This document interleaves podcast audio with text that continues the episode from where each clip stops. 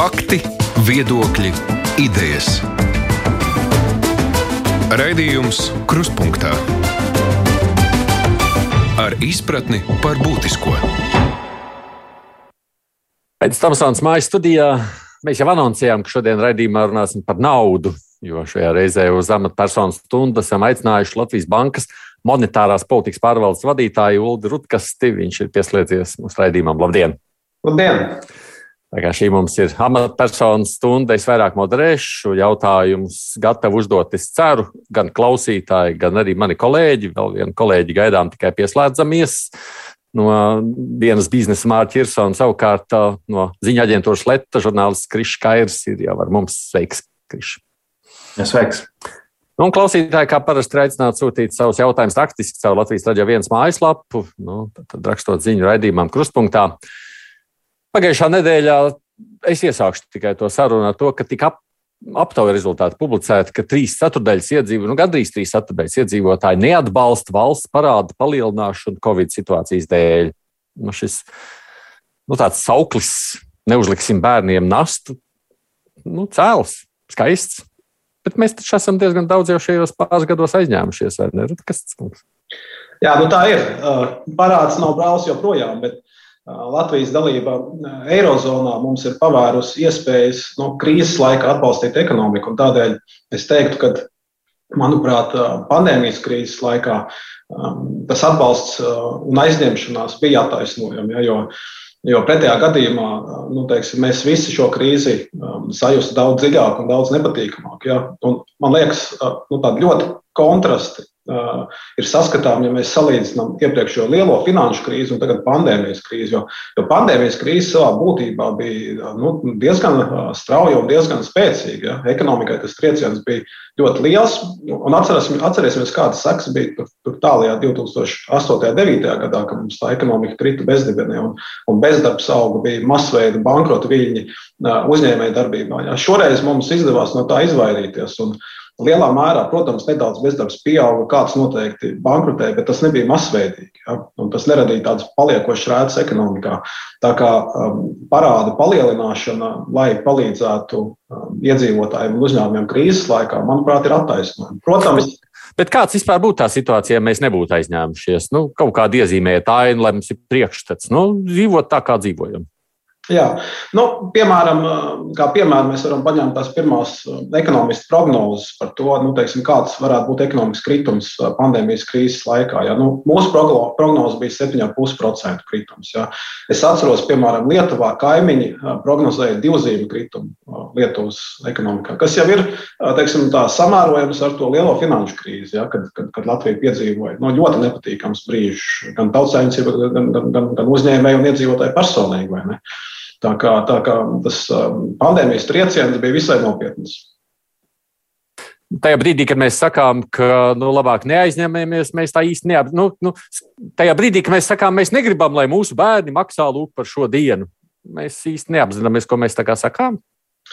Nu, tā viennozīmīgi nevarētu teikt. Šeit, man liekas, ir jāizšķir vairākas situācijas. Tas, ko es minēju, atbalsts krīzes brīdī, tas, man liekas, bija leģitīms, tas palīdzēja ekonomikai. Tas arī patiesībā palīdzēja mums izvairīties no būtiskām izmaksām nākotnē. Jo rēķinamies, ja mums pieaug bezdarbs, un bezdarbam ir tāda nepatīkama īpašība, ka pieaug krīzes laikā ļoti strauji, bet samazinās ļoti lēni un ilgstoši un mokoši. Un Un šiem cilvēkiem vienalga būtu jāsniedz no budžeta sociālais atbalsts, no sākuma droši vien bezdarba pabalstu veidā, pēc tam droši vien kāds sociālais atbalsts. Ja, šos cilvēkus uz ielas atstāt mēs droši vien nevarētu. Ja.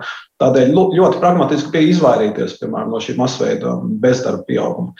Bet kur ir problēmas ar parādu? Problēmas veidojās, ja valdība sāk nu, tā, netālredzīgi pieņemt lēmumus un, un, un finansēt ar parādu pieaugumu tādus izdevumus, kas atkārtojās gadu no gada.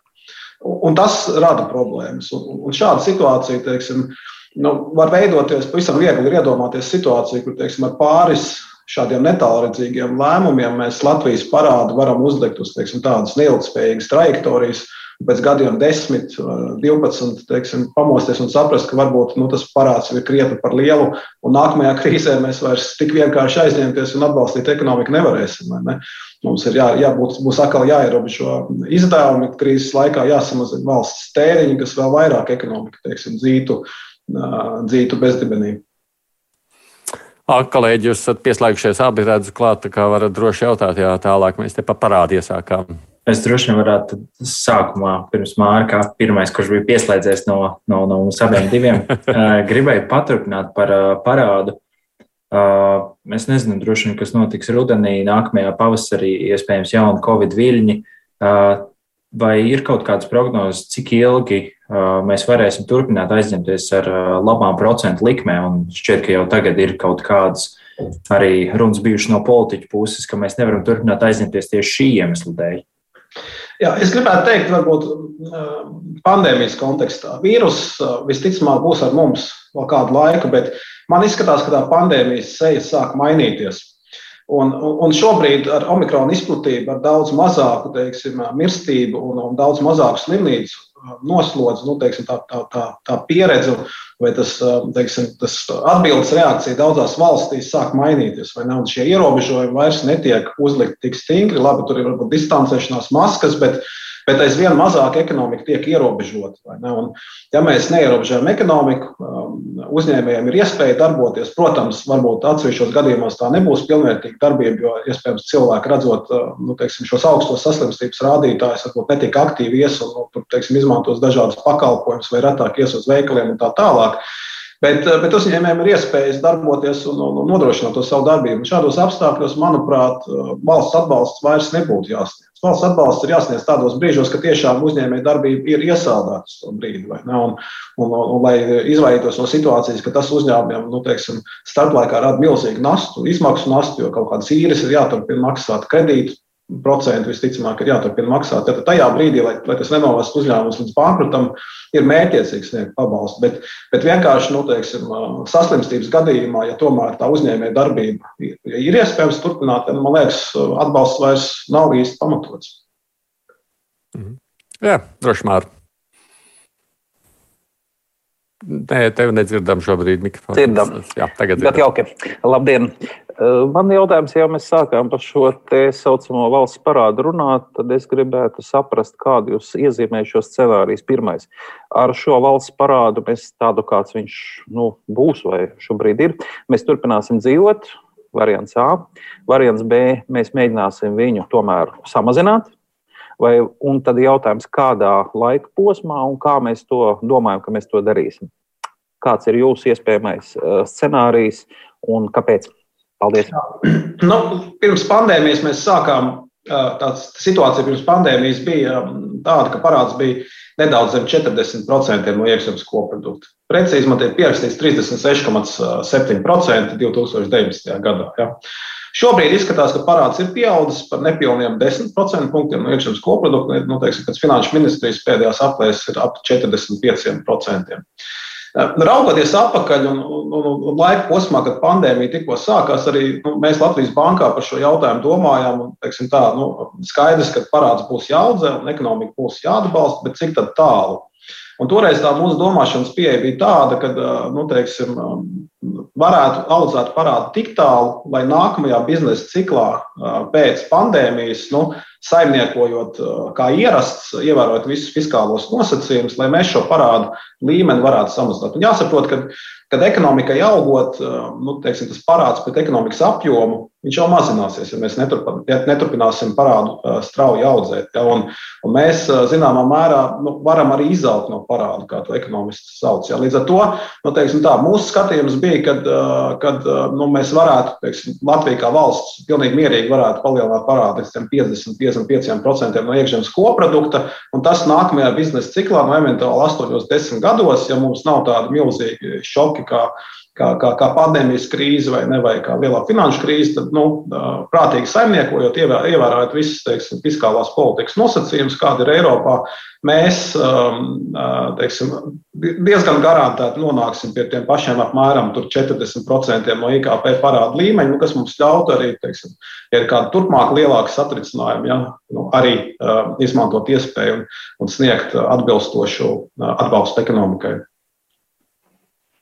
Tad, ja es pareizi saprotu, jūs atbalstat tā dēvēto tēzi, kas saucās izaugšana no valsts parāda, būtiski audzējot iekšzemes koproduktu. Vienlaikus šajā situācijā ļoti būtisks jautājums par inflāciju, kas no vienas puses palīdz izaugt, un no otras puses nu, teiksim, ļoti sāpīgs ir gan par uzņēmēju, gan arī tīpaši, ja mēs runājam par iekšzemes patērētāju maciņiem. Ņemot vērā, ka inflācijas cipari Latvijā vismaz pa pagājušo gadu ir bijuši augstāki nekā Eirozonā kopumā. Un tad ir jautājums, cik lielā mērā šī inflācija ir attaisnojama, ka viņi ir lielāki šeit, Latvijā, nekā citās Eirozonas dalību valstīs, un vienlaikus kādas tās sekas radīs nu, pēc gada apmēram šajā gadījumā. Paldies! Jā, nu, mēdz teikt, ka inflācija var arī palīdzēt izaugt no parāda, izaugt pēdiņās, ja, ja, ja, ja tā teikt. Bet, bet nav tik vienkārši. Protams, inflācija no vienas puses uh, palielina budžeta ienākums, auga cenas, auga, piemēram, pievienotās vērtības nodokļu ieņēmumu, ja, un, un, un budžetam tas rada papildus naudu. Ja. Bet no otras puses jau arī izdevuma aug, jo arī nu, teiksim, valdības budžetā jau ir izdevuma pozīcijas, kur arī tāpat tās cenas palielinās, un ja cenas palielinās ar laiku, arī algas ir jāpalielina vai ne. Tā kā Tā kā ilgtermiņā um, ar inflāciju no parāda izaugt, uh, es teiktu, nav, nav īsti iespējams. Ja, ja vien tur nav hiperinflācija, kas nozīmē, ka vienkārši cilvēkiem zūd uzkrājumi un, un, uh, un, un vienkārši naudas vērtība, naudas vērtība devalvējās ļoti iespaidīgi. Bet, uh, Bet, bet, bet, bet jā, es jau nedaudz aizmirsu to, to, to, to jautājumu būtību jā, kādēļ Latvijā inflācija ir augstāka nekā Eiropas Savienībā. Vairāki faktori. Un ne tikai Latvijā, bet arī kaimiņu valstīs. Mēs ka Baltijas valstīs. Sapratu, ka Lietuvā un Igaunijā krietni vēl vairāk nekā pie mums. Divās zīmēs jau, jau krietni virs, jau pamanām virs 10%. Latvijā pagaidām jāpieklauvē pie galda, ja pagaidām vēl nav tik traki. Inflācija šobrīd ir importēta. Un lielā mērā teiksim, mūsu valstīs tas teiksim, importēto preču klāsts mūsu patēriņa grozā, nu, teiksim, kur tās cenas aug, kā energoprodukti vai ne, arī pārtikai cenas ir, ir, ir pieaugušas. Vienkārši mēs vairāk patērējam šādus, šādus preces. Rietumos, kur varbūt ir lielāka rocība, ja tur vairāk patērē arī nu, teiksim, lielāks īpatsvars ir dažādos pakalpojumos. Uh, teiksim, tie tēriņi iet uz dažādiem pakalpojumiem, ka tās cenas vēl nav pieaugušas tik strauji. Lai gan jāsaka, energoresursu sadārdzināšanās ir tik strauja, ka pārnes uz citu preču un pakalpojumu cenām ir pamanāma un notiek diezgan strauji, straujāk nekā ierasti. Jo bieži vien, ja teiksim, tās energoresursu cenas pasvārcās, šur tur kādu brīdi var pieaugt, kādu brīdi var samazināties uzņēmumi, bieži vien absorbē šīs svārstības, varbūt kādu brīdi viņam tur, teiksim, pelnītspēja samazinās, kad energoresursi pieaug, bet, kad energoresursu cenas samazinās, kā pelnītspēja uzlabojās, jau viņi absorbēs ar, savam, no, ar savām peļņas maržām un varbūt šos energoresursu sadārdzinājumus uzreiz neliek sanās. Šobrīd tie sadārdzinājumi ir tik lieli, ka nu, teiksim, daudziem uzņēmumiem tas vairs nav iespējams un, un nav citas izējas, kā, kā palielināt arī savu, savu produktu cenas. Bet jūs tā klauvēšana pie galda palīdzēs, nu, tomēr mēs nebūsim tajos pašos 11, ņemot vērā, ka vēl jau tās cenas ir ieskrienas. Nu, redzēsim, redzēsim. Starp citu, janvāra inflācija bija nedaudz zemāka nekā, nekā mēs prognozējām. Un arī valdības nesenie atbalsta pasākumi izskatās, ka tomēr to inflāciju vismaz uz laiku nedaudz, nedaudz pabremzēs. Bet, protams, nekāda brīnuma tur nebūs. Inflācija saglabāsies diezgan augsta. Nu, noteikti vismaz šo gadu pirmo pusi. Jūs pieminējāt par inflācijas saglabāšanos, bet tajā brīdī, kad valdība pārtrauks šo savu atbalsta programmu attiecībā uz dabasgāzi, siltumenerģiju un elektroenerģiju, nu, tad tam ciparam būs jābūt pietiekoši lielam. Nu, nevarēs taču tie uzņēmumi, es atvainojos, uz kaut kā rēķina absorbēt tās pietiekoši lielas summas. Ir, tajā brīdī tā inflācija aizies ar vēl vienu nu, pēc būtības faktisko līmeņu jonu, tikai ar cerību tādu, ka tajā brīdī nav šī apkuras sezona. Jā, tā ir. Un, un patiesībā riski pieaug, kad arī nākamajā apkurses sezonā mums varētu nākties sadzīvot ar, ar pietiekoši augstām energoresursu cenām. Šie riski pieaug. Ja mēs, piemēram, skatāmies finanšu tirgos nākotnes darījumu cenas, ja, nu, teiksim, ko finanšu tirgi um, ieceno, kādas cenas būs pēc zināma laika. Ja. Uh, nu, ja vēl teiksim, pagājušā gada beigās uh, izskatījās, ka piemēram, tā pati gāzes cena varētu sākt mazināties šī gada vidū, uh, Tas šobrīd, nu, teiksim, vismaz finanšu tirgos gaidas ir, kad, kad gāzes cenas varētu būt augstas visu gadu. Ja, un, un tur, protams, pieslēdzās ģeopolitiskie faktori, Krievijas politika, ja, kas, kas, kas lielā mērā arī tās, tās gāzes cenas um, um, Eiropā ir ietekmējusi. Bet, bet tas nav vienīgais faktors. Protams, tur ir vesela virkne dažādu iemeslu, kādēļ energoresursu cenas ir sadārdzinājušās. Krišs, droši vien, ka tev arī kāds jautājums šajā kontekstā. Jā. Šajā kontekstā gluži nē, bet es gribēju atgriezties pie, pie, pie parāda. Tad, kas nākamais savukārt atbalsts uzņēmumiem, droši vien vairāk nekā iedzīvotājiem. Vai ir jau vērtējams, kas no valsts izvēlētajiem atbalsta pasākumiem bijuši efektīvi un kas ne? Es domāju, to laiks rādīs, bet kopumā vērtējot, kā ne tikai Latvijā, bet arī citās Eiropas valstīs tiek sniegts atbalsts Pamatā atbalsts tiek sniegts maisaimniecībām. Ja. Uzņēmumiem um, sniegtais atbalsts ir ļoti līdzīgs kā Latvijā, piemēram, ar elektropārvades tarifu uh, samazinājumu vai līdzīgu, teiksim, um, kā obligātā iepirkuma komponente, kas, kas, kas, kas, kas veidoja arī daļa no elektroenerģijas cenas tiek atceltas, ja, kas ir dažādas šīs nodevas piemaksas, piemēram, par, par, par zaļo, um, par atjaunojumu enerģiju. Un šādas komponentes tiek atceltas arī uzņēmumiem. Daļā valstu ir arī uh, atbalsts likviditātes veidā, vai, piemēram, valsts uh, piedāvā ļoti izdevīgus nosacījumus un, un aizdod, piemēram, ar, ar 0% likmu uzņēmumiem, lai, nu, teiksim, uh, varētu šo situāciju šobrīd pārvarēt un lai varētu savus rēķinus nomaksāt, bet, nu, teiksim, rēķinoties ar to, ka nākotnē šis atbalsts būs atmaksājums, tas ir nevis grants, bet tāds kā aizdevums. Ja. Pavisam dažās valstīs arī uzņēmumiem gāzes cenas ir iesaldētas, vai noteikti griezti, maksimālai griezti, bet tas ir pavisam dažās valstīs. Savukārt, eh, maisaimniecībām gandrīz visas valstis diezgan būtisku atbalstu sniedz. Jāsaka, arī Latvijā teiksim, tas sniegtais atbalsts ir, ir, ir tāds, nu, salīdzinot ar citām valstīm, diezgan pamanāms. Nav tā, ka mēs pavisam maz tikai atbalstījām. Ja. Bet jāsaprot, ka atbalsts maisaimniecībām zināmā mērā arī ir netiešs atbalsts uzņēmumiem. Ja, jo, jo pretējā gadījumā, ja maisaimniecībām nesniegtu valsts atbalstu, tas skaidrs, ka nu, teiksim, tie tēriņi būtu um, jāsamazina uh, droši vien straujāk nekā saņemot atbalstu. Tas arī noteikti uh, atspoguļoties uzņēmumu finanšu rādītājos. Ja pieprasījums pēc uzņēmuma precēm pakalpojumiem kristos vairāk, kā es gribētu teikt, atbalsts maisaimniecībām ir arī atbalsts uzņēmumiem zināmā mērā. Nu, šajā sakarā tomēr ir dažs klausītāju jautājums, pirms kolēģi jūs turpināt, lai arī uh, tiem mēs kādiem atbildām. Viesturs prasa tā, nu labi, ja jūs runājat par vajadzīgo palīdzību. Es zinu vienu uzņēmēju, kas skaidri teica, ka viņš nekad nav tik labi dzīvojis. Kā var izskaidrot? Oktobris, novembris, decembris. Viņam pārdots rekordliels skaits jaunu auto. Kā tad, lai to visu izskaidro? Nu jā, situācija tautsājumniecībā nav homogēna. Un, Atceramies, varbūt arī pandēmijas krīzes kontekstā Latvijas Banka ir vairāk kārt uzsvērusi, ka, ka pirmkārt, no dažādu nozaru griezumā ir, ir ļoti liela atšķirība, ja, kā tā pandēmija ir ietekmējusi. Jo tiešām ir nozares, kas, kas ir ieguvušas no pandēmijas. Ja.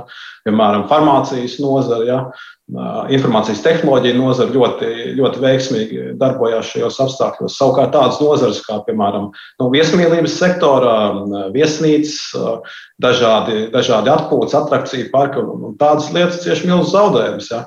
Un gluži tāpat arī darba tirgu mēs redzam, ka tā situācija ir ļoti nehomogēna. Ir, ir cilvēki, kam, kam, kam algas ir augstas un turpina strauji augt, un ir cilvēki, kam algas ir zemas un, un kas paliek bez darba. Tā kā krīzes ietekme ir ļoti nesimetriska un noteikti ir, um, ir uzņēmumi, kas no tā ir ieguvuši un uzņēmumi, kas no tā ir zaudējuši. Un arī, protams, valsts atbalsts. Nu, tur šie kalibrācijas nosacījumi bija kādi bija, un, un noteikti mēs nevaram izslēgt iespēju, ka kāds uzņēmums, kas varbūt nebija tik traki ciets dēļ pandēmijas, to atbalstu ir saņēmis un saņēmis pietiekoši nozīmīgi, ja, un, un, un, un varēja uzņēmumā veikt kaut kādas ieguldījumus vai tā. Lai gan pēdējos atbalsta Viļņos šādas iespējas tikai aizvien vairāk mazināts un, un, un visādas, teiksim, nu tā, nepamatot saņemt, iespējas nepamatot saņemt atbalstu un tur nopirkt, piemēram, kādu jaunu automobīlu. Šādas iespējas noteikti regulējumā tika atrunātas, ka nu, tā jau vairs nevar. Mm. Bet te vēl par parādiem pāris jautājumu pirms kolēģi turpina. Vai ir tādas valsts, kas dzīvo bez parādi? Ilva prasa, jūs varat tādu kādu nosaukt? Man grūti iedomāties, nu, kaimiņu valsts Igaunija ilgu laiku dzīvoja gandrīz bez parāda, bet nu, tomēr kaut kāds neliels parāds viņiem ir. Tā kā, tā kā valdības aizņemās visur, un, un tās vajadzības, protams, ir svarīgi, lai parāds nenonāk teiksim, uz tādas garantētas augšupejošas trajektorijas. Ja?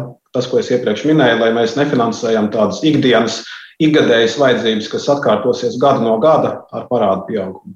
Bet tad man saka, ka viņuprāt, šie 50% IKP taču bezatbildīgi. Viņuprāt, Igaunijā jābūt piemērs. Turklāt parāda apkalpošanas izmaksas taču pilnīgi noteikti mums tūlīt sāks pieaugt. Jā, tā ir. Un es atceros, es varbūt arī iepriekš bija jautājums par, par, par nākotni, kā, cik mums parāds maksās. Un tā ir tiesa, ka kad līdz šim procentu likmes um, pēdējā, pēdējo gadu laikā ir bijušas ļoti zemas. Skaidrs, ka nākotnē procentu likmes uh, pieaugs. Ja.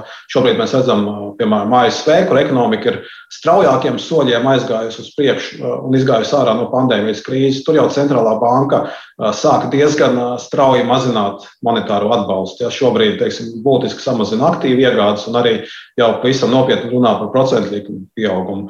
Un arī Eiropas centrālā banka nu, arī jau ir teiksim, savās pēdējās sanāksmēs un, preses konferencēs sūtījusi signālu, ka nu, arī Eiropā mēs, protams, redzam ekonomikas atkopšanos, inflācija ir pieaugusi. Šobrīd gan pamatā to nosaka lielā mērā nu, tādi importēti faktori, ja, tās pašas energoresursu cenas, Bet, nu, mēs redzam, ka ekonomika nostiprinās, darba tirgus kļūst uh, siltāks. Ja, un, ja inflācija saglabāsies nu, ilgāku laiku nekā gaidīts, un skaidrs, ka arī eiro, eiro sistēmai būs uh, jāiet šajā virzienā. Un, droši vien, raugoties nākotnē, nu, teiksim, arī valsts parāds uh, objektīvi izmaksās dārgāk, jo procentu likme būs augstāks. Tā ir. Mm -hmm. Ok, kolēģi, turpiniet droši. Nezinu, kurš no jums ir Krišs, ja? Krasies? Mārs. Lai, jā, jā, es, protams, man te pretinflācijas programma Polija tāda ir iedarbinājusi ar 1. februāri. Latvijā savā ziņā tāda it kā oficiāli nav, bet nu, arī viņa tā kā ir. Vai jūs prāt, kāda pretinflācijas programma būtu jāiedarbina visā Eirozonā un kāpēc jā vai kāpēc nē? Paldies! Nu, man ir grūti iedomāties, kas varētu būt šie pretinflācijas pasākumi. Jo, kā jau es minēju, tas, tā inflācija lielā mērā tiek, um, tiek vārīta ne jau Eiropā. Tur ir tur ļoti daudz globālu faktoru, kas, kas to nosaka. Un tā nav tāda, nu, teiksim, atcer, atcer, atcerēsimies Latviju, piemēram, pirms lielās finanšu krīzes, kad mums bija ļoti augsta inflācija, tur divzīmju, divzīmju teritorijā bija, bija 11% vai ne. Un, Un, un, un tad mums bija pretinflācijas plāns, bet, bet tā situācija bija tāda, ka lielā mērā mēs šo inflāciju paši bijām ievārījuši. Mums ekonomika auga pārāk strauji, teiksim, pieprasījums bija milzīgs, uzņēmumi šo pieprasījumu apmierināt nevarēja, un, un tas radīja pamatu cenu un algu pieaugumam. Jau bija tāda cenu algu spirāli izveidojās, kas, kas gan cenas, gan algas dzina augšā. Ja? Un tas, protams, ekonomikai nu, nāk ar mīnuszīmi. Protams, cilvēkiem individuāli inflācija nav patīkama lieta. Tajā brīdī mēs, mēs runājām par pretinflācijas plānu, un, un tur objektīvi bija darāmas lietas, lai nedaudz um, Latvijas ekonomikas atdzesētu. Šobrīd, kad uh, nu, teiksim, inflācija lielā mērā uztur globāli faktori, energoresursu sadārdzināšanās. Nu, ir grūti iedomāties, ko, ko Eiropas valsts tādu vienotu varētu darīt, citu kā atbalstīt starplaikā teiksim, savus iedzīvotājus un tiešām. Kur, kur šī energoresursu sadārdzināšanās ir būtiski iedragājusi maisaimniecības budžets, būtiski samazinājusi iedzīvotāju pirktspēju. Tajā šādā brīdī šo atbalstu sniegt var. Bet, protams, vislabākais pretinflācijas plāns būtu mazināt mūsu atkarību no energoresursu patēriņa, vai varbūt um, mainīt mūsu energoresursu patēriņa struktūru par labu uh, vietējiem energoresursiem, atjaunojumiem energoresursiem. Ja tas mums ilgtermiņā ļautu izvairīties, izvairīties no šādiem līdzīgiem pārsteigumiem, ka, piemēram, kaut kādas ģeopolitiskas norises vai, vai kādi citi faktori diezgan būtiski sašūpo energoresursu cenas, un kādā brīdī tās energoresursu cenas ir ļoti augstas, nepanesami augstas. Mm -hmm. nu, te par cenām un atbalsta lietām savukārt runājot, viens no klausītājiem saka tā. Nu, jūs sakāt, atbalstiem jābūt marķētiem, bet ne jau visām aizsardzībām bija atbalsts. Rutkas kungs to, ko piemin, tikai tām, kam bērni. Bez bērniem taču nav atbalsta. Vai tad pats Rutkas kungs un Latvijas bankas darbinieki ir saņēmuši kādu atbalstu? Jā, es saņēmu diezgan dāsnu atbalstu. Man mājās ir gāzes katls un, un tikko samaksāja janvāra rēķinu, kas patiesībā bija pat nedaudz zemāks kā, kā decembra decembra rēķins. Lai gan es gaidīju, ka būs gan vai pat vairāk kā divreiz pieaugums, sākotnēji pēc izziņotajiem tarifiem tā, tā sanāca. Un, un šeit ir jautājums, vai, vai, vai, vai, vai tā ir teiksim, tāda laba, efektīva valsts naudas tērēšana. Nu, es objektīvi to, to rēķinu būtu samaksājis. Man tas, protams, būtu bijis nepatīkami, ja, bet, bet es to varētu samaksāt. Un, un iespējams, ka mērķiecīgāk no, teiksim, no valsts, no sabiedrības naudas tērēšanas viedokļa būtu tomēr šo atbalstu vairāk fokusēt tiem cilvēkiem, kam, kam tiešām objektīvi ļoti grūti tos rēķinus samaksāt. Un, Un, un, un tādēļ nu, teiksim, tas, ko arī mēs, kā Latvijas Banka, esam teikuši un, un mudinājuši, un ne pirmo reizi, kad, kad mums ir jāstiprina mūsu sociālās atbalsta sistēma un jārada veidi, kā mēs varam ātrā, ātri un mērķēti teiksim, šo sociālo atbalstu nodot cilvēkiem, kam tiešām tas ir vajadzīgs. Jā, jo pretējā gadījumā nu, nāk krīze, ir vajadzība atbalstīt, nomērķēt labi, neprotam, nu, tad atbalstīsim pilnīgi visus. Labi, no vienas puses nav slikti, bet Bet uh, tas izmaksā daudz dārgāk. Ja mēs sniedzam atbalstu visiem, tad tas izmaksā krietni, krietni dārgāk. Nu, papildus bērniem, protams, mums ir atbalsts pensionāriem, kas man liekas ļoti leģitīmi, jo, ja mēs apskatāmies pensionāru grupu, tur tiešām absolūtais vairākums ir, ir ar ļoti zemu rocību um, cilvēku, un, un tur šos rēķinus samaksāt ir ļoti grūti. Ja. Un tad, protams, ir atbalsts, kas ir visiem. Ja. Tas ir OEK atcelšana, tas ir energo pārvades tarifu atcelšana. Ja. Nu, es iegūstu no šīs, no šīs gāzes tarifu iesaldēšanas, vai ne? Un, un kādās pilsētās, kur, kur, kur apkurss tarifi būtu pieauguši strauji, arī tur iegūst, arī tur, tur šie griezti ir noteikti. Argi. Krišs. Jā, paturpinot jautājumu par inflāciju, ne tikai, protams, energoresursiem, vai ir kaut kāda līdzekļa, ar ko valsts tūlītēji varētu palīdzēt nevienlīdzības mazināšanai, jo šķiet jau pēc jūsu iepriekšējās atbildes mēs ļoti labi saprotam, ka cietīs jau tie, kur ir mazāk nodrošināti ne tikai ar tādām enerģētikas palīdzības programmām, bet vai ir kaut kas vēl, ko mēs varam tūlītēji darīt? Noteikti, un tur man liekas, ir jāskatās diezgan sistēmiski. Šī varētu būt viena no tām jomām krīzes laikā, labi, vienreizējais atbalsts, labi.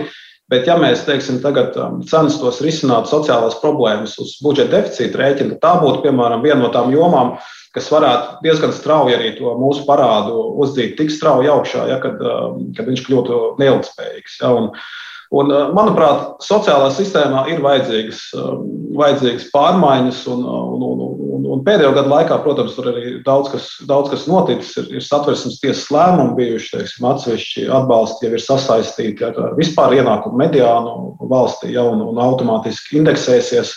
Um, atbilstoši tam, kā ienākumi kopumā valstī iet uz augšu vai, vai neiet uz augšu. Bet, bet man liekas, tā viena no problēmām ir, ka mums šī sociāla atbalsta sistēma, kā jau minēju, ir, ir, ir tāda nu, nevisai mērķēta. Ja, ja mēs paskatāmies um, dažādu statistiku par to un, salīdzinām valsts starpā, tad Latvijā tieši sociāla atbalsta daļa, kas ir, kas ir mērķēta, ir viena no zemākajām. Gan Eiropas valstu griezumā, gan arī liekas, OECD valstu grupā, ja mēs skatāmies, mums ir diezgan zema. Jā.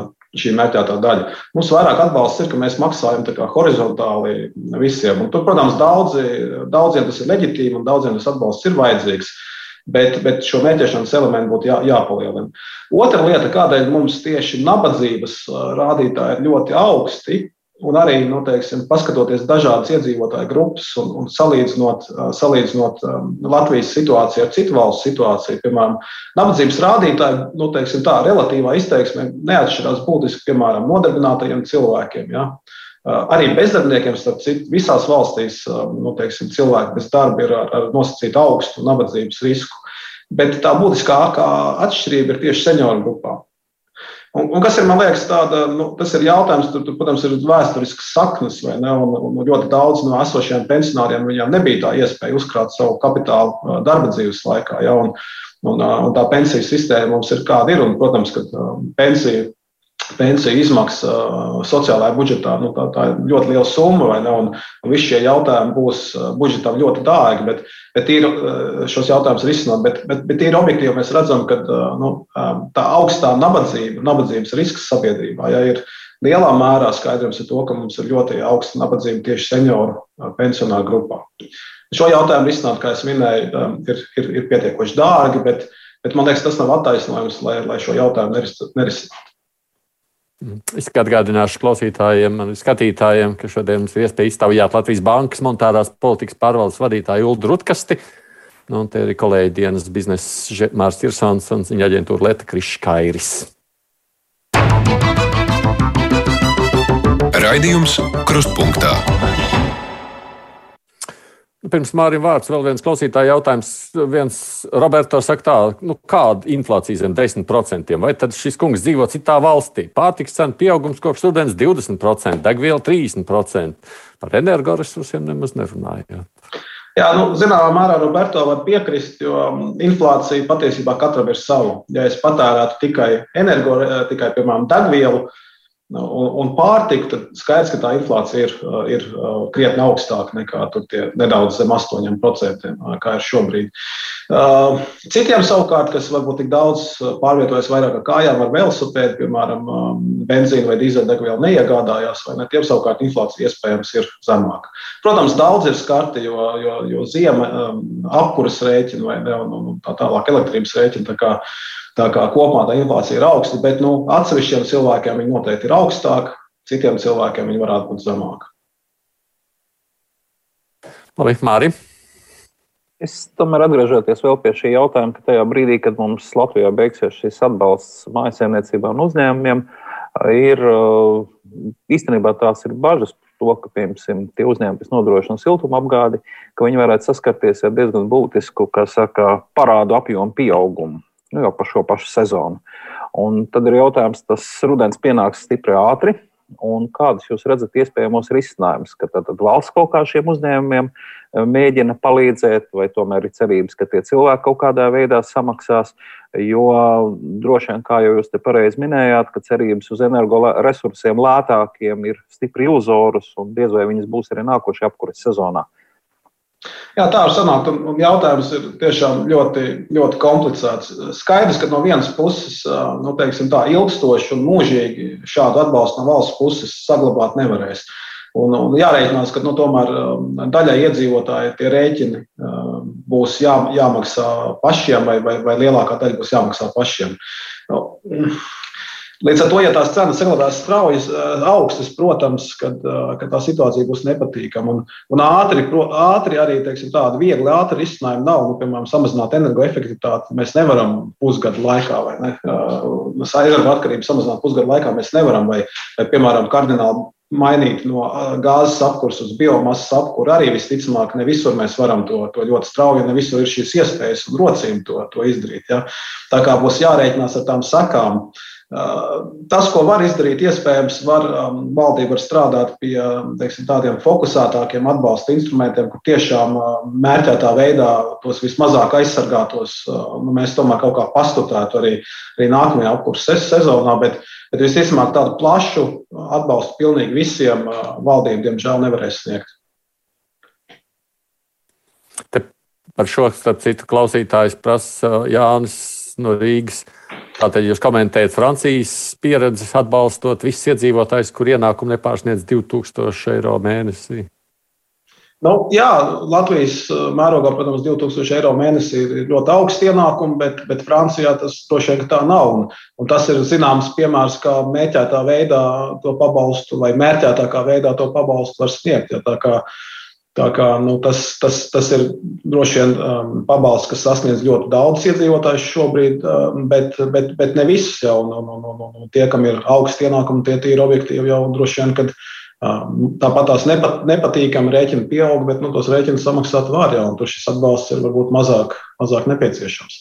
Sapratu, ļoti interesants atbalsts ir arī Norvēģijā, kur kur um, valsts kompensē um, sadārdzin, piemēram, elektrības sadārdzināšanos, bet daļēji ja, tiek sadalīts uh, šis sadārdzinājums ar pašu iedzīvotāju vai patērētāju un valsti. Un, un, un tas, manuprāt, ir motivējošāks, ja mēs raugamies no šīs klimata politikas uh, viedokļa un, un energointensitātes mazināšanas viedokļa. Jo tas tomēr parāda cilvēkiem, ka kad labi, nu, energoresursi strauji sadārdzinās, un šobrīd tas ir liels šoks ļoti daudzām ģimenēm, un valdība daļai atbalsta, bet tās cenas tomēr pieaug, un arī iedzīvotājs jūt, ka tā enerģija kļūst dārgāka, un, un viņam ir motivācija domāt, nu, varbūt, ka var kaut kā mazāku enerģiju tērēt, piemēram, nu, nosiltinot mājokli, vai varbūt ir jāmaina ar laiku apkuras, apkuras sistēma, ja? vai, vai varbūt ir nu, valsts līmenī jāpāriet uz citiem enerģijas ražošanas avotiem, piemēram, atjaunojam tur, tur vējš, vēja enerģija vai saules enerģija vai kā cita enerģija, biomasas enerģija, piemēram, un tā tālāk. Ja? Tā kā, tā kā tās atbalsta pieredzes ir dažādas, un, un katrai, protams, ir savas pozitīvās, negatīvās puses, bet, manuprāt, to, ko izdarīja Latvija, kad, kad piemēram, nu, arī, ko es minēju, manā gadījumā iesaldēja tās gāzes cenas, nu, es šobrīd neesmu motivēts vispār domāt par to, vai man kādreiz nākotnē būs apkuri jāmaina vai nebūs vai es, vai, es, vai es turpināšu dzīvot ar savu gāzes katlu vai ne. Un, un, un, un droši vien, ka cerēšu, ka arī nākotnē ka būs tāds milzīgs gāzes cenu pieaugums, nu gan jau valdība kaut ko man tur nokompensēs. Ne?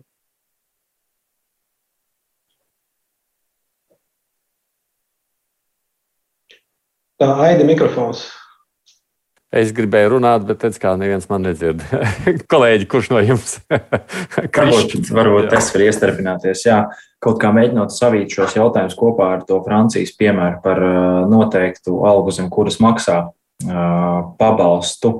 Um, neesmu speciālists šajos jautājumos un precīzi rādītājs nezinu, bet viennozīmīgi Latvijai ēna ekonomikas apjoms varētu būt lielāks nekā Francijai. Vai jūsuprāt, tas varētu būt viens no iemesliem, kādēļ Latvijā šādi mērķēti atbalstus nevar piešķirt, un kā vispār izskatās Latvijas ēnu ekonomika pēdējo to divu no jau krīzes gadu laikā? Jā, tas, protams, apgrūtina, ja, un, un, un objektīvi tā, tā realitāte tāda arī ir. Un, mūsu pētījums nesen, ko kolēģi bija, bija veikuši, parāda, ka nu, ēna ekonomikas īpatsvars ir diezgan liels. Un, un patiesībā nu, teiksim, tas ēna ekonomikas, tā ēna ekonomika vairāk izplatīta teiksim, mazu uzņēmumu, mazu uzņēmumu vidū un arī faktiski um, darbinieku, um, darbinieku vidū, kur, kur tās algas varbūt nav arī pašas lielākās. Ja? Nu, tā, nu, diemžēl tur arī tajās, tajos gadījumos, kad, kad šīs aploksņa algas tiek maksātas, un tie kopējie ienākumi varbūt nav um, tie augstākie šiem iedzīvotājiem. Tas, protams, komplicē šo, šo mēģinātāku pabalstu izmaksu. Ja? Un man, man liekas, vēl viena problēma Latvijā. Nu, ja no vienas puses valsts ieņēmuma dienests iespējams zina, cik, cik kurš deklarē tos ienākumus, ja? bet Bet um, uh, maisaimniecības līmenī tas nevienmēr ir skaidrs, jo, jo mēs īsti nezinām, kurš ar kuru dzīvo, dzīvo kopā. Un, un tur droši vien arī nu, prasītos tādu valsts mērogā teiksim, to, to, to, to datu jautājumu sakārtošanu, lai, lai, lai, lai nu, teiksim, kaut ko tādu varētu izveidot un lai uz objektīvas informācijas pamata nu, teiksim, šo atbalstu varētu mērķēt, mērķēt izmaksāt. Droši vien, ka tur ir jābūt nu, teiksim, pašvaldību lomai pietiekoši lielai, kas ir blakus, kas redz tos cilvēkus, kas, kas arī var droši vien objektīvāk novērtēt par, par, par teiksim, atbalstu nepieciešamību ne, ne, nekā, piemēram, šeit, um, nu, teiksim, kādā ministrijā Rīgā vai, vai kādā dienestā Rīgā. Tā kā jautājums ir komplekss, un, un, un, un tur risinājumi, risinājumi, manuprāt, ir iespējami, bet, uh, bet nu, protams, jārēķinās, ka mums tā ēna ekonomika ir augsta. Tas, protams, šo, šo, šo statistiku izkropļo. Jā. Mēs nevaram būt pilnīgi pārliecināti, ka, ja cilvēks uz papīra ir ar zemiem ienākumiem, ka tas tā ir realitātē. Jā, Mārija. Ja mēs pēnu ekonomiku, tad uh, vai ir kaut kādi dati par to, kādā veidā, kurās nozerēs, vai ņemot vērā arī to situāciju, kad tāds 15. decembris bija par tiem nevakcinētiem un vakcinētiem un legālu nodarbinātību. Uh, kurās nozarēs ir šī sērga, jūsuprāt, ir palielinājusies tieši pandēmijas laikā? Varbūt kurās sfērās šī ēnu ekonomika tieši otrādi, varbūt pandēmija ir taisnība otrādi šo ēnu ekonomiku šajās sektoros samazinājusi? Paldies. Tas ir grūts jautājums. Es to personīgi nevarēšu pateikt. To iespējams Arnim Saukam ir jāprasa, kas, kas veids aptaujas, un līdz ko viņam būs jaunākie aptauju rezultāti, droši vien jau arī ar to informāciju padalīsies, un tad mēs varēsim redzēt tās tendences. Nu, mums kolēģi, kolēģi veic tādu struktūrētu, struktūrētu pētījumu varbūt attīstīja jaunas metodas, kā mēs varam no valsts ieņēmuma dienesta rīcībā esošiem datiem identificēt uzņēmums, kur ir teiksim, lielāka varbūtība maksāt šīs aploksņa algas, un, un kur varbūt ir zemāka varbūtība. Ja? Un tur, diemžēl, mums bija informācija pieejama par situāciju tieši pirms pandēmijas. Ja? Pandēmijas laika situācija pagaidām mums īsti nav zināma, un es tā objektīvi nevarēšu šo jautājumu atbildēt. Mhm. Ja runājam vispār par šiem pandēmijas ierobežojumiem un darba tirgus ietekmi uz to visu, jūsuprāt, lai mēs pēc iespējas ātrāk atkoptos šos ierobežojumus, arī vajadzētu pēc iespējas ātrāk mazināt, tajā skaitā nu, ļaujot arī nevakcinētiem atgriezties darbā? Nu, manuprāt, kur tas ir pamatot no ekoloģiskā skatu punkta raugoties, ja, es teiktu, ka Kad, nu, man personīgi, kā nespeciālistam, šobrīd izskatās, ka nu, tā slimība ir mainījusi savu formu un ka šobrīd tos ierobežojumus varētu samazināt. Un es arī redzu, ka daudzās valstīs nu, teiksim, tas virziens ir tieši šāds um, arī uzņēmts. Bet no otras puses, ja piemēram epidemiologiem ir informācija, viņi skaidri redz, kādas ir vīrusu izplatības ķēdes un, piemēram, kaut kādās jomās um, šī vīrusu izplatība ir tiešām daudz augstāka nekā, nu, piemēram, ja tur ejot uz attrakciju parku vai uz kinoteātru, tā varbūtība saslimt ir, ir, ir būtiski lielāka nekā ejot uz veikalu. Nu, tas varētu būt objektīvs pamats arī noteikt kaut kur vēl šos ierobežojumus. Bet kopumā nu, man izskatās, ka tiešām ir jāiet uz ierobežojumu mazināšanas uh, virzienā un jāskatās, kā, kā šī situācija attīstās. Protams, um, jauna mutācijas, uh, jaunas vīrusu mutācijas un šādas lietas droši vien, ka mēs simtprocentīgi nevaram izslēgt. Un, un tas situācija varētu pamainīt, bet, bet šobrīd ar Omikronu, izskatās, ka nu, teiksim, veselības aprūpas sistēma tas nenobloķē tā, kā to darīja Delta. Ja, un, manuprāt, nu, tur ir pamats arī pārskatīt šo ierobežojumu politiku. Edgars te prasa attiecībā uz to, ka tam beidzot būs algas un kad mēs dzīvosim kā Eiropā, nevis tikai tā kā pie mums. Vai šī inflācija, kas nu, automātiski dzen augšā gan cenas, gan līdz ar to kaut kādā brīdī liks atkal meklēt palielināt algas, tas mūs tuvinās? Ja mūsu inflācija ir lielāka nekā Eiropai, tuvinās ātrāk pie Eiropas līmeņa? Diez vai, diez vai. Jo mums jau interesē tā algas reālā pirktspēja. Ja, ja, ja jums pieauga alga un, un tikpat daudz pieauga cenas, jūsu reālā pirktspēja nemainās. Ja. Un, lai reālā pirktspēja mainītos, lai reālā alga mainītos, mums ir jāspēj nu, teiksim, tikpat produktīvi un tikpat ienesīgi veikt savu saimniecisko darbību, kā to dara rietumvalstīs. Ja. Un, kad mēs spēsim, kad mēs būsim, piemēram, spējīgi adoptēt, izdomāt un izgudrot tādas, piemēram, tādas pašas tehnoloģijas, kā, kā to dara rietumvalstīs, ja, kad, kad mums šī teiksim, darba organizācija, darbinieku izglītība, spējas būs salīdzināmas ar, tā, ar to, kādas ir rietumvalstīs, ja, tad arī mūsu algu līmenis būs. Šeit, protams, tas jautājums nav viennozīmīgs. Parasti nāk prātā piemērs, kad nu, cilvēks salīdzina frizierus, ja, kas, dara, kas dara ļoti līdzīgu darbu gan Latvijā, gan, piemēram, Zviedrijā ar, ar līdzīgu produktivitāti, nu, līdzīgu cilvēku skaitu var teiksim, šo pakalpojumu sniegt nu, tur, tur stundas vai divas stundu laikā, bet saņem ļoti dažādas algas. Ja. Un, un tas ir skaidrojums ar to ekonomikas, ar to ekonomikas jaudu kopumā, jo Zviedrijā objektīvi ir daudz vairāk maksātspējīgi klienti.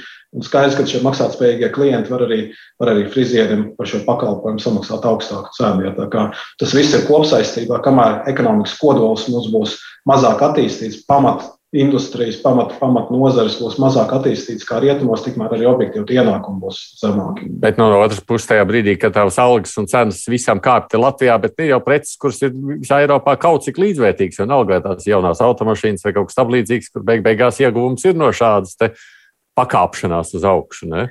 Ļoti īsā laika periodā, un šeit es domāju, gadu, divus, jā, var izveidoties situācija, piemēram, kad Eiropā inflācija ir zema, bet Latvijā kādu teiksim, Latvijai specifisku apstākļu dēļ inflācija ir, ir, ir pakāpusies un krietni virs Eiropas, un, un uzņēmumi arī ir teiksim, spiesti palielināt šo algu līmeni. Tad no vienas puses mēs varētu teikt, ka jā, nu, aizbraucot uz citām Eiropas valstīm, mēs varam atļauties, piemēram, vairāk vai importējot kādas preces savukārt no citām Eiropas valstīm, mēs varam atļauties nopirkt vairāk un mūsu pirktspēja pieaug.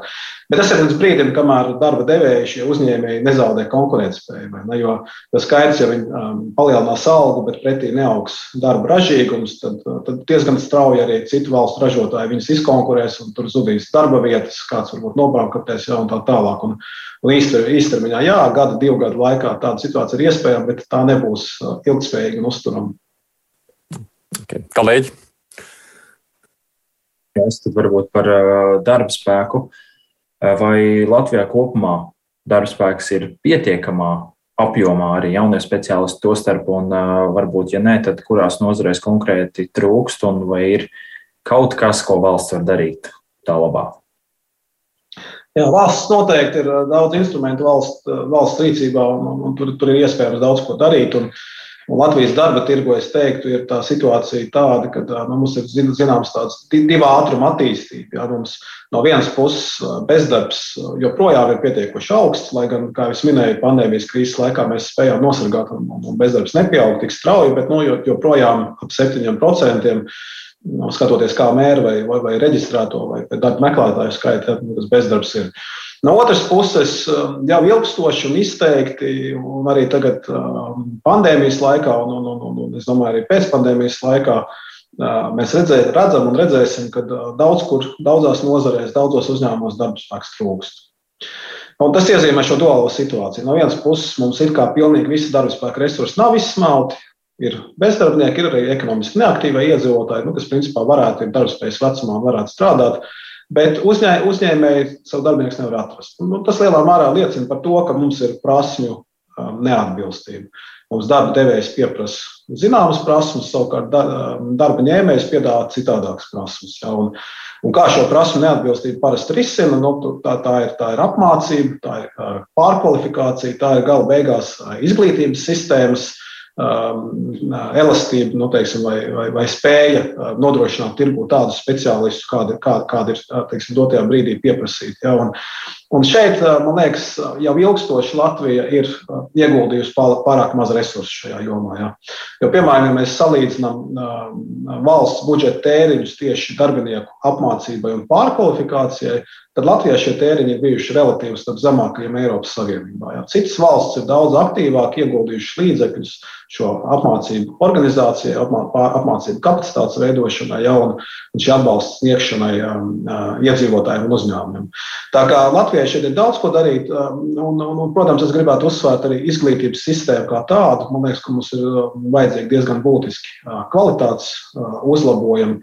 Kopumā Latvijas izglītības sistēmā tā nauda, kas nāk no valsts budžeta, ir, liekas, diezgan adekvāta reālā izteiksmē, pat varbūt augstāk nekā vienā otrā citā Rietumē Eiropas valstī, bet šī nauda mums ir efektīvāk jāapsaimnieko. Ja? Tā ir jau ilgstoši piesauktā skolu tīkla reforma, tā ir droši vien kvalitātes standarta paaugstināšana augstākās izglītības sistēmā un arī droši vien arodu apmācībā. Daudz kas ir veikts, investīcijas ir, ir, ir, ir, ir veikts dažādās iekārtās, skolu, arodskolu modernizācijā, ja pa Eiropas fondiem. Dažādas šīs modernās iekārtas ir, ir, ir, ir iegādātas, bet, bet nu, teiksim, iespējams tas zināšanu un kvalifikācijas līmenis gan mācību spēkiem ir jāceļ vēl šo tur vai ne. Un, un, un, un daudzas un dažādas lietas. Es šeit, protams, riskēju aizrunāties pārāk tālu un kā nesot jomas speciālistam, varbūt kaut ko kādam uz kādām važacīm uzkāpt, bet, bet kopumā izglītības sistēmā ir, manuprāt, nepieciešams diezgan būtisks reformas. Māri. Ja jūs pieskārāties izglītības sistēmai, tad nevar nepajautāt savādāk jautājumu. Ļoti daudz no tiem, kas Latvijā ir pabeiguši šīs mācību iestādes, ļoti sekmīgi strādā ārzemēs. Es nezinu, vai viņi brauks atpakaļ, jebkad uz šejienes Latvijā strādāt. Un tāpēc ir jautājums, ja mums ir tik, varbūt ir kādas problēmas izglītības iestādēs, varbūt šeit jāskatās arī uz otru pusi, kāpēc šie cilvēki, kas šeit šīs iestādes ir absolvējuši, viņi pēc tam ir sekmīgi atraduši to pašu darbu, arī ar atalgojumu, es saprotu, ir daudz maz mierā, ko viņi tur dara tur. Un tad mēs atkal turpinām par to, ka mums šeit nav kam strādāt, bet vienreiz šo mūsu cilvēku ir ārzemēs un strādā. Jā, nu, šeit ir jautājums, ko es teiksim, pajautātu pretī, vai cilvēki, kas ir beiguši studijas Latvijā un, un aizbraukuši studēt ārvalstīs, vai tur šī profesija sakrīt. Ja? Jo man ir aizdoms, ka nevienmēr šī profesija sakrīt un, un objektīvi nu, teiksim, darba tirgus Eiropas Savienībā ir atvērts. Atalgojums daudzās rietumu valstīs ir, ir krietni augstāks nekā Latvijā. Tā skaitā minimālās algas ir, ir daudz augstākā līmenī. Ja? Un, un, un tas, protams, motivē um, daudzus Latvijas iedzīvotājus uh, arī meklēt šīs darba iespējas ārvalstīs. Protams, arī bezdarba atšķirības teiksim, var diezgan būtiski, būtiski, būtiski izspēlēt, teiksim, motivēt cilvēkus emigrēt. Ja, piemēram, iepriekšējā finanšu krīzē, kad Latvijā būtiski pieauga bezdarbs pat līdz 20%, ja tas bija viens no faktoriem. Nebija tikai alga atšķirības, bet vienkārši iedzīvotājiem šeit nebija darbs. Ja. Tādēļ man liekas, šajā krīzē valdībai sniedzot atbalstu un un mazinot šo bezdarba pieaugumu. Nu, nu, mēs darījām visu to, to labāko, ko vien varējām, lai, lai, lai nedzītu iedzīvotājs ārpus, ārpus Latvijas. Ja? Un, protams, objektīvi, ja, tās, ja, ja Latvijā teiksim, nu, tās nodarbinātības iespējas ir par ļoti zemu atalgojumu, ja varbūt arī nu, teiksim, kā ir ar, ar, ar izglītību, ar pārkvalifikācijas iespējām, ja kaut kas ir iespējams, kaut kas varbūt nav pieejams. Ja? Un, un ir iespēja saņemt um, augstu atalgojumu, pat ja tā ir minimālā alga. Um, tai pašā, tai pašā, piemēram, Īrijā vai Vācijā vai kādā citā turīgā valstī, ja, tad, tad, tad iespējams šis, nu, tas ir ļoti vilinoši un daudz cilvēku šīs iespējas izmanto. Ja, bet, bet no tā mēs izvairīties nevarēsim, un tas arī, man liekas, nav arguments, lai mēs neveiktu investīcijas savā izglītības sistēmā un, un, un neuzlabotu mūsu izglītības jaudu un kvalitāti. Klausītāju jautājumiem, paskatoties vēl mazliet, Zigords raksta šādi. Nu, pasakiet, vienreiz atbildi. Mazam uzņēmumam nedaudz ēnu ienākumu, bet maksāti kaut kādu daļu nodokļus. Ja jūs iznīcināsiet mums to ēnu daļu, tad uzņēmums vienkārši beigsies un pazudīs arī tie nodokļi, ko vispār maksāja. Kas tad izdevīgāk valstī? Esmu daudzreiz šo jautājumu uzdevusi, vienmēr man to ignorē. Nērts vai ne? Ļoti slīdīga situācija. Un es arī saprotu, ka tās, tā, tā realitāte ir ļoti nu, daudziem uzņēmumiem, iedzīvotājiem ļoti dažāda. Bet, bet kāpēc tas valsts līmenī ir nevēlams? Ja, jo, ja mums vienlaicīgi tirgu darbosies uzņēmumi, kas godīgi maksā nodokļus, un tādi uzņēmumi, kas, kas nespēja varbūt nopelnīt tik daudz, un tādēļ arī tīri objektīvi mēģina kaut ko nesamaksāt vai samaksāt daļu no algas aploksnē. Ja, Tas rada zināmas konkurences kropļojumu, ja? konkurences kropļojušu efektu. Un, un, un, un ekonomika zināmā mērā ir darvinistiska, ja? kur konkurence ir tāds meža sanitārs, kas, kas liek vienam darboties veiksmīgāk, un citam varbūt liek bankrotēt, ja, jo viņš nespēja tik veiksmīgi darboties. Ja. Un, manuprāt, konkurence ir jāstrādā, un šī, šī, šai atlasē ir jābūt, ka veiksmīgākais biznesā arī straujāk aug, var piesaistīt vairāk darbiniekus. Tas veicina šo ekonomikas attīstību, ekonomikas izaugsmu. Ja. ja mums konkurence tiek kropļota, nu, tas agrāk vai vēlāk novada arī pie lēnākas, tādas anēmiskākas ekonomikas uh, dinamikas. Ja. Un tas mums visiem uh, nāk tikai par sliktu. Augstāks bezdarbs, mazāks, mazāks iespējas attīstīties un tā tālāk. Un tas var būt iemesls, kāpēc, pieņemsim, tagad kaimiņu valsts sāk straujāk attīstīties, un mēs nē, jo mums lielāks ir ekonomikas īpatsvars. Uh, negribētu teikt, ka tas varbūt ir pats izšķirošākais, izšķirošākais faktors, jo, nu, lai gan kaimiņos uh, šķietam ir zemākā ēna ekonomika, arī nu, teiksim, um, uh, pilnībā bez ēna ekonomikas neviena valsts laikam nav. Uh, bet es teiktu, ja mēs tā raugamies uz Baltijas valstu attīstības atšķirībām, tad tīri tehniski no, no, no ekonomiskas skatu punkta raugoties, teiksim, tas viens rādītājs, kas, kas parāda nu, teiksim, diezgan būtiskas atšķirības, ir investīcijas. Un Latvija nu, pēdējā desmitgadē ir investējusi daudz mazāk nekā Lietuva un Igaunija, jo īpaši privātā sektora uzņēmumi. Tad jautājums, kas tur ir par iemesliem? Iemesli tur varētu būt dažādi, gan biznesa vidas atšķirības, ja, gan arī regulējuma, reformu veikšanas vai neveikšanas stāsts ja, un tādas lietas. Bet man liekas, viena atšķirība ir arī no investīciju finansējuma viedokļa raugoties nu, teiksim, banku sektorā un kreditēšanas dinamikā. Ja? Un, un tur mēs redzam, ka, lai gan visā Baltijā nu, varbūt tā kreditēšana ir bijusi netik strauja un procentu likums ir augstāks kā kā, kā Eirozonas valstīs. Ja? Tomēr Latvijā kreditēšana bijusi vēl vājāka nekā, nekā, nekā kaimiņu valstīs. Tā skaitā mājokļu kreditēšana. Atceramies, ka Lietuvā, Igaunijā diezgan strauji mājokļu kreditēšana ir bijusi, arī jauna mājokļu būvniecība ir bijusi strauja. Ja? Arī uzņēmumiem kredīt resursi, nu, teiksim, ir bijušas lielākas investīcijas, var, var finansēt jau un, un ieguldīt attīstībā. Tā kā es teiktu, tas ir diezgan um, komplekss um, faktoru kopums, um, bet kas viss kopumā ir nu, teiksim, izveidojis situāciju, ka Latvijā šīs investīcijas ir bijušas zemākas. Jā. Nu, paldies, mums ir jābeidz, tāpēc, ka laiks ir skrējis ātri un stundi paskrējusi. Latvijas Bankas monetārās politikas pārvaldes vadītājs Ulas Rutkaste bija nu, mūsu šīs dienas izvaicājamais viesis. Paldies jums par atsaucību. Nu, un arī, protams, paldies kolēģiem no žurnāla dienas biznesa, Mārcis Kirsons un ziņa aģentūras Leta žurnālists Krišs Kairs. Paldies jums arī, kolēģi! Bet šodien raidījums izskan. Producents bija gan Ines Matšona, gan Agita Vērziņa un vadīju es, Aidis Tomsons.